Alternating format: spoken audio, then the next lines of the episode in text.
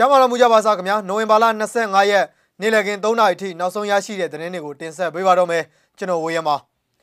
ကျေးရွာရန်ပုံငွေ360ကိုသိမ်းယူထားပြီးတော့အသက်ခံရမှာကြောက်လို့စစ်တပ်ရှိရာတွားအိတ်တဲ့အုပ်ကြီးလမ်းမှာအသက်ခံရပါတယ်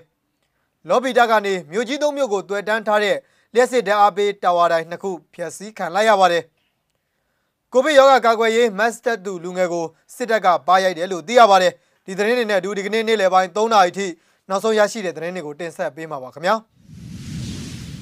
ပထမဆုံးအနေနဲ့တင်ဆက်ပေးခြင်းတဲ့သတင်းတစ်ပုဒ်ကတော့ကြေးရွာရန်ပုံငွေ360ကိုသိမ်းယူပြီးအသက်ခံရမှာကြောက်လို့စစ်တပ်တပ်ဆွဲထားတဲ့ကြေးရွာကိုညသွားအိတ်တဲ့စစ်ကောင်စီခန့်အုပ်ကြီးဦးစိန်စောလမ်းမှာတနက်နဲ့ကိုချက်ပြစ်တက်ခံရပြီးတေဆုံးသွားကြောင်းသိရပါတယ်ခင်ဗျာမန္တလေးတိုင်းနထိုးကြီးမြို့လက်ပံကြေးရွာကအသက်45နှစ်ဝန်းကျင်အရွယ်ဦးစိန်စောကတော့မနေ့ကနိုဝင်ဘာလ24ရက်ညနေ4နာရီချိန်စစ်တပ်တပ်ဆွဲထားတဲ့ ဇေဒိတ်ကျေးရွာကိုသွားတဲ့လမ်းမှာအသက်ခံလိုက်ရတာဖြစ်ပါတယ်ခင်ဗျာစစ်ကောင်စီကအုပ်ချုပ်ရေးမှူးဖြစ်သူဦးစိန်စောကတော့တနက်တရာတွေနဲ့နေရာမှာပဲပွဲချင်းပြီးတည်ဆုံသွားခဲ့တာပါသိန်း160ချက်ကိုလက်ဝဲကြီးအုပ်ပြီးစစ်သားတွေကိုခေါ်ကာရရွာပေါ်အနိုင်ကျင့်ချင်းချောက်နေတဲ့စိန်စောကို NPDF ကရှယ်ဖောင်းနိုင်တဲ့အဝယ်စီကိုပို့ဆောင်ပေးခဲ့တယ်လို့နထိုးကြီးပြည်သူ့ကာကွယ်ရေးတပ်ကနိုဝင်ဘာလ24ရက်ရက်စွဲနဲ့ထုတ်ပြန်ထားပါတယ်ခင်ဗျာစစ်ကောင်စီတပ်သားတွေကတော့လက်ပံကျေးရွာနဲ့တမိုင်ခန့်အကွာဇေဒိတ်ရွာမှာတပ်ဆွဲထားကြတာဖြစ်ပြီး အုပ်ချုပ်ရေးမှူးကအဲ့ဒီနေရာကိုညသွားအိတ်ထားတလခန့်လောက်ကြာပြီဖြစ်ပါတယ်ခင်ဗျာစစ်တပ်ကခံထားတဲ့အုပ်ချုပ်ရေးမှူးဆိုတော့သူ့ကိုဒလန်လို့ပဲသတ်မှတ်ထားတာမကြသေးခင်တုန်းကလည်းသူကစစ်သားတွေကိုခေါ်လာပြီးအဲစင်းစစ်တဲ့အချိန်ရွာသားတအုပ်ကိုနေရင်ကိုရိုက်တယ်ပြီးတော့ရွာမှာစုထားတဲ့ပတ်စံတွေနဲ့နိုင်ကားတစည်းကိုလည်းသူတို့သိမ်းယူထားကြတယ်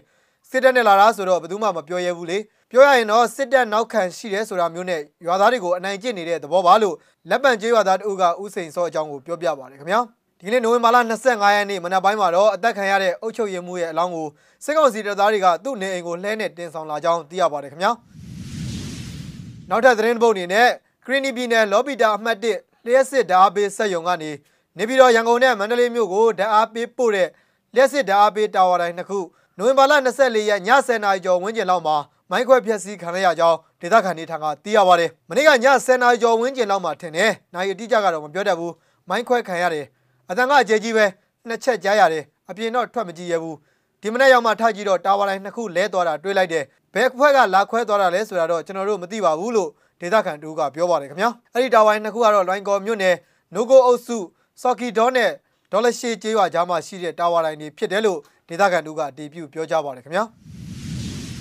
နောက်ထပ်သတင်းတစ်ပုဒ်အနေနဲ့ကုသမြန်ယောဂဖြစ်တဲ့ COVID-19 ကပ်ယောဂအတွက် မတ်တက်သူတွေကိုစစ်တပ်ကပါရိုက်တာတွေထိုင်ထလှုပ်ခိုင်းတာတွေဒဏ်ငွေရိုက်ချင်းတွေလှုပ်ဆောင်လျက်ရှိကြောင်းပြည်သူတွေကရန်ကုန်ခေတ်သစ်သတင်းဌာနကိုပြောကြားချက်အရသိရပါတယ်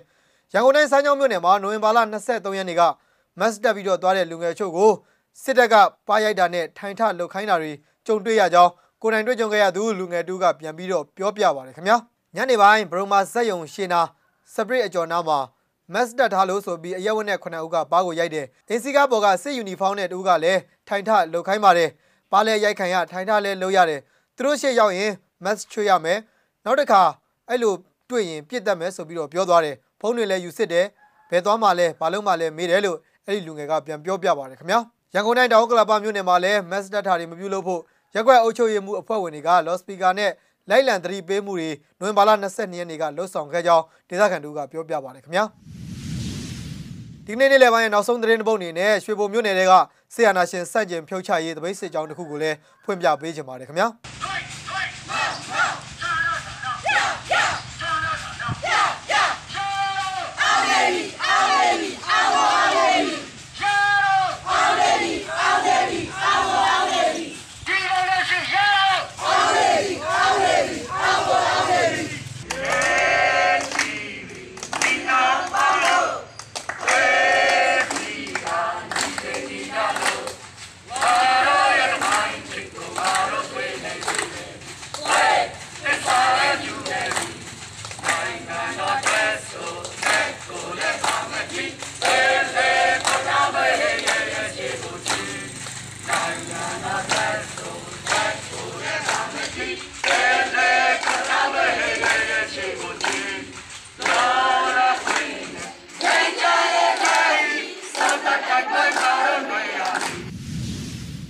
ဝင်ဘာလ25ရက်နေ့လည်ခင်း3နာရီထိနောက်ဆုံးရရှိခဲ့တဲ့သတင်းတွေကိုတင်ဆက်ပေးခဲ့တာပါ